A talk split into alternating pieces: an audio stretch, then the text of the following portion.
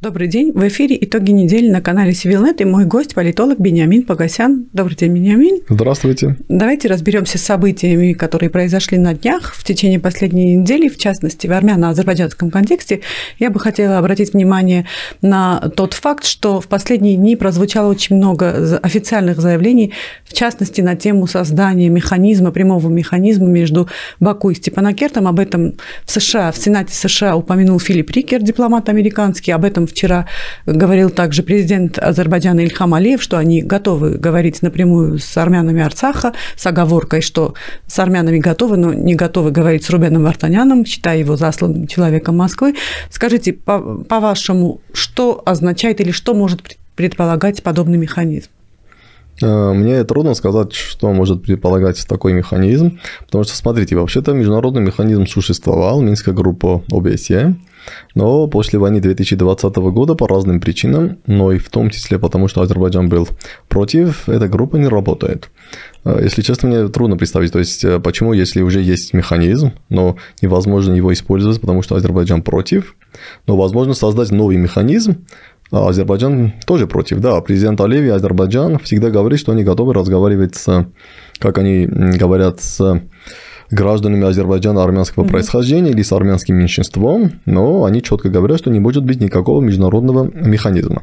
Так что это официальная позиция Азербайджана, и думаю, вчера тоже президент Алиев сказал, да, мы готовы разговаривать с армянами Нагорного Карабаха, он даже использовал термин «армянское меньшинство» но не было ни речи про никакого международного механизма, и сам Алиев, и его помощник или советник Хикмет Гаджиев, они много раз четко дали понять, что никакого международного механизма не будет, потому что они считают, что вообще нет никакого конфликта и не должен быть никакого международного механизма для того, чтобы азербайджанское правительство разговаривало с каким-то этническим э, меньшинством. Так что, э, если честно, я удивлюсь, если будет какой-то международный механизм. И э... понятно, и не очень-то понятно, что означает международный механизм. То есть это будет что-то новое Минская группа ОБСЕ, кто будет давать мандат этому, этому механизму, то есть это должно быть дать мандат ОБСЕ или ООН, как это можно делать. То есть пока еще идут разговоры, но первое, Азербайджан категорически против, и второе, непонятно, кто должен создать этот международный механизм и какой мандат этот международный механизм должен иметь. Если это через ОБСЕ, то, понятно, Азербайджан будет против. Если это через Совет Безопасности ООН, то я себе это очень трудно представляю. Так что пока это э, разговоры про международный механизм, но реально я не думаю, что это вообще возможно. И тем не менее, упоминание самой фигуры Рубена Вартаняна, его имени, вы не считаете, что этим самым уже есть какой-то такой э, легитимизация э, этой единицы Смотри, вообще контекст э, в том, что Алиев говорил, что там Рубен Вартанян послан со стороны России какой-то специальной миссии. И понятно, это было, так скажем, в негативном э, смысле. Это действительно трудно понять, потому что ну, сам Алиев 31 октября во время встречи с Путиным в Сочи, я имею в виду даже не трехстороннюю встречу, а личную встречу, он же говорил, что да, там все-таки мы думаем или мы соглашаемся, что вот Россия играет позитивную роль, миротворцы России играют позитивную роль. Даже Алиев подписал заявление 31 октября, что все-таки Россия не самый плохой игрок. А теперь сказать, что вот я не говорю с Рубеном Вартаняном, потому что Вартанян послан из России, понятно, что это был месяц в сторону России, что, э, так скажем, Россия участвует в каком-то негативном формате в процессах Нагорного И Карабаха. это было сказано на встрече с представителями Евро... Да, Евросоюза. ну потом э, вечером Алиев созвонился с Путиным, якобы они говорили только про какие-то энергетическое сотрудничество, но не думаю, что разговор должен был быть только про энергетическое сотрудничество. Так что здесь даже трудно понять мотивы Азербайджана, Азербайджана, но в стратегическом плане у Азербайджана позиция четкая. Э, была война 2020 года, Азербайджан эту войну выиграл, и Армения должен подписать мирный договор, то есть юридически обязывающий договор, а не только заявление 10 ноября 2020 года. Армения должна подписать юридически обязывающий документ, то есть договор, который должен быть ратифицирован, там Конституционный суд, парламент и так далее и тому подобное, который должен фиксировать победу Азербайджана. А что значит победу Азербайджана по логике Баку? То есть оно должно фиксировать, что Нагорного Карабаха как территориальной единицы не существует. Да, есть армянское меньшинство, которое живет в Азербайджане, как и есть талышское меньшинство, там еврейское, русское, не знаю, лезгинское.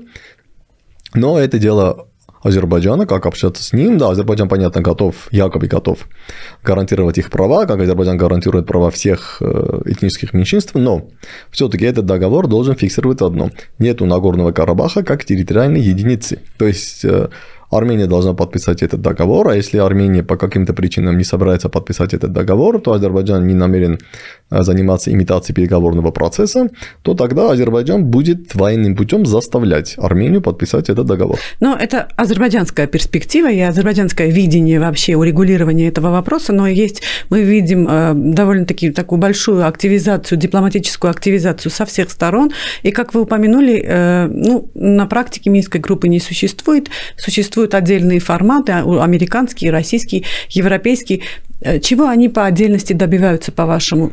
В чем сегодня состоит цель э, Москвы, Вашингтона и Брюсселя?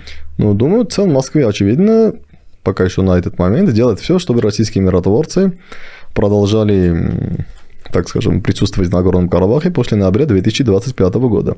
Это главная цель России.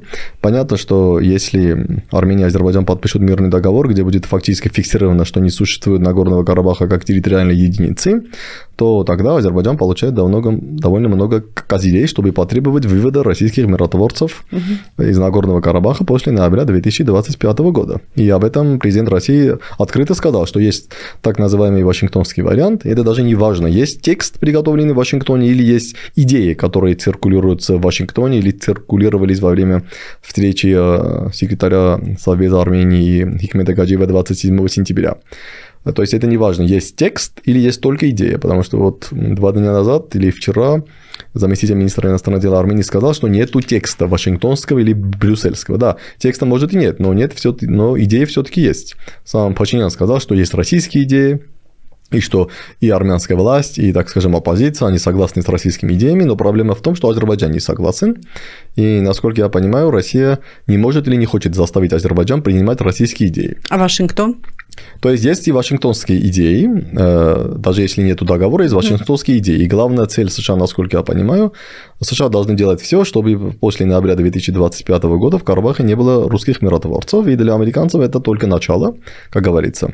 Э, сначала мирный договор между Арменией и Азербайджаном, потом нормализация армяно-турецких отношений, потом вывод российского миротворческого контингента из Карабаха, а потом хотя бы минимум поднятие вопроса о выводе российской военной базы из Гюмри, российских пограничников из Армении, потом выхода Армении из ОДКБ, Евразийского экономического союза.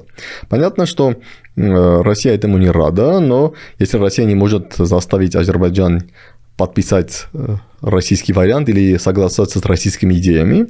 Насколько я понимаю, Россия не имеет возможности заставить Азербайджан отказаться от американских идей. Или вряд ли Россия может заставить Армению отказаться от а, американских идей. И но позиция России в этом все-таки, да, есть э, мое понимание, как можно это делать. Я рад, что Армения согласна. Я понимаю, что Азербайджан против. Не могу заставить Азербайджан согласиться с тем, что я хочу. А это означает, что э, через мои идеи мирного договора не будет. Но если Азербайджан не хочет подписать, а Россия не может заставить Азербайджан, понятно, что мирного договора не будет.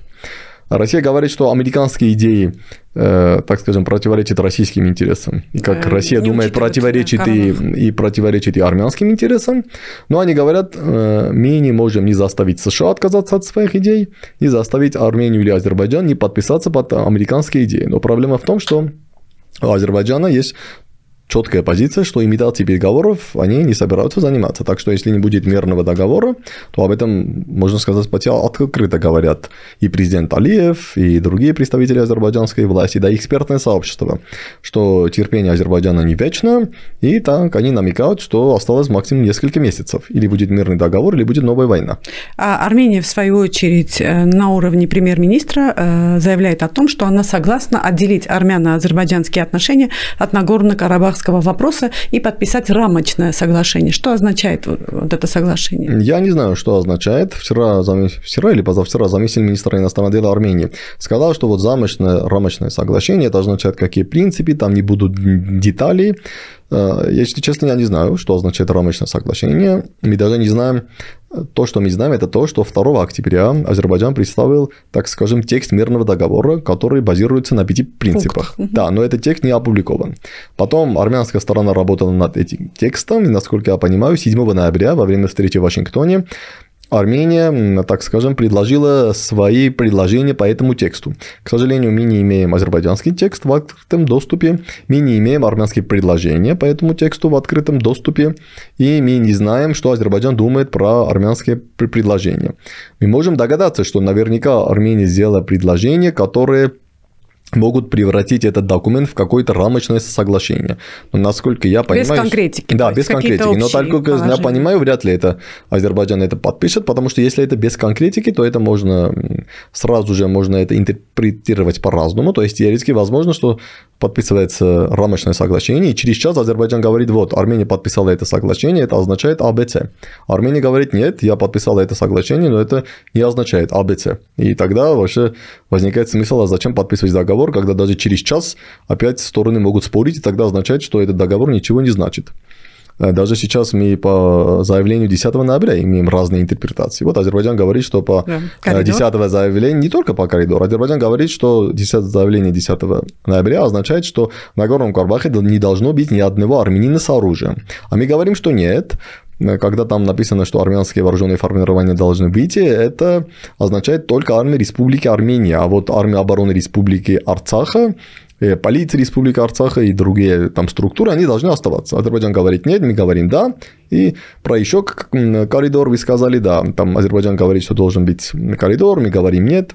То есть рамочное соглашение теоретически может опять начать все эти споры. И я не думаю, что Азербайджан согласится на рамочное соглашение. Вчера президент Алиев там четко сказал про азербайджанские видения, что так скажем, призывы или готовность к миру от Армении, это только манипуляции, если вот правильно помню его слова. Так что, насколько я понимаю, Азербайджан вряд ли согласится на подписание рамочного соглашения. Вы видите смену в риторике Алиева, и вы не согласны, что все-таки на Баку оказывается давление? Смотрите, э, на Баку, может быть, оказывается давление, но оказывается давление почему? Понятно, что когда американцы говорят, что нужно очень быстро подписать мирный договор, но они понимают, что все-таки нужно... Как-то решать как-то... Карабаха. Нет, нет, не тот, что решать вопрос с Карабахом, вообще-то э, это отдельный вопрос, как решать. Но хотя бы нужно, чтобы Азербайджан сказал, окей, я готов разговаривать с армянами Карабаха, чтобы, так скажем, э, так скажем, подписание мирного договора принимали с Арменией не так уж болезненно.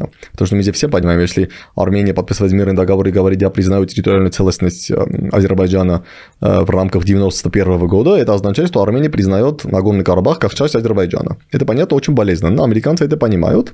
Но американцы давят на Азербайджан, что окей, скажи, что я готов говорить с армянами Нагорного Карабаха, чтобы мы армянам сказали, да, вы признаете Нагорный Карабах как часть Азербайджана, но мы будем гарантировать, что армяне там будут жить хорошо. Не знаю, кто этому может поверить или нет, но логика американцев этого. Э, Армения подписывает мирный договор, признает Карабах как часть Азербайджана, а мы гарантируем, что армяне Нагорного Карабаха будут там нормально жить, или хотя бы Азербайджан будет разговаривать с армянами Нагорного Карабаха. Вот поэтому, да, американцы давят на Азербайджан, чтобы Азербайджан сказал, что я да буду говорить с армянами Нагорного Карабаха, и здесь вопрос Будет это через международный механизм или не будет через международный механизм? Ну, вот в этом-то и вопрос, что если они уже граждане Азербайджана, то вообще зачем Да, зачем этот международный механизм? И Азербайджан об этом говорит, но если нету международного, если нету мирного соглашения, то есть по каким-то причинам мирное соглашение не подписывается, то тогда э, американцам сказать Азербайджану, что да, нету мирного соглашения, но ты должен разговаривать с армянами Нагорного Карабаха, вообще нету смысла. И тогда, поскольку американцы сами заинтересованы, чтобы был подписан мирный договор. Если мирный договор не подписан, я не думаю, что американцы будут надавать на Азербайджан. То есть надавать на Азербайджан, чтобы Азербайджан сделал что? То есть Азербайджан тоже говорит, мне нужен мирный договор. Американцы говорят, нам нужен мирный договор даже до конца 2022 года. Так что здесь мы должны понять, что да, американцы может давить на Азербайджан, но они давят Армению, чтобы Армения подписала мирный договор. А если опять Армения признает территориальную целостность Азербайджана в рамках Алматинской декларации, то есть Армения признает Нагорный Карабах как часть Азербайджана. Но Америка давит то есть, насколько я понимаю, Америка давит на нас, чтобы им признали Нагорный Карабах как часть Азербайджана, и давит Азербайджан, чтобы Азербайджан начал разговаривать с армянами Нагорного Карабаха, или минимум гарантировал, что их не будут выгнать из своих земель. Как сказал президент Алиев, что кто не хочет жить как угу. простой гражданин может Азербайджана, просто может просто уехать в Армению или куда он хочет. И поспешность США, Вашингтона обусловлена именно вот этим стремлением побыстрее, скажем так, э, вывести миротворческий контингент России. Э, думаю, поспешность э, связана с тем, что все-таки американцы понимают, что пока еще есть война в Украине, в Украине или на Украине, понятно, что ресурсов России в Южном Кавказе будет маловато. Понятно, что главная цель России сейчас как-то завершить то, что началось в Украине с февраля 2022 года. То есть это открывает окно возможностей американцам, чтобы активно участвовать. Вот возникает вопрос, почему и ЕС, и США не были так активны до февраля 2022 года? Потому что все думали, что все, да, вот это зона российских интересов, и Россия что-то должен сделать.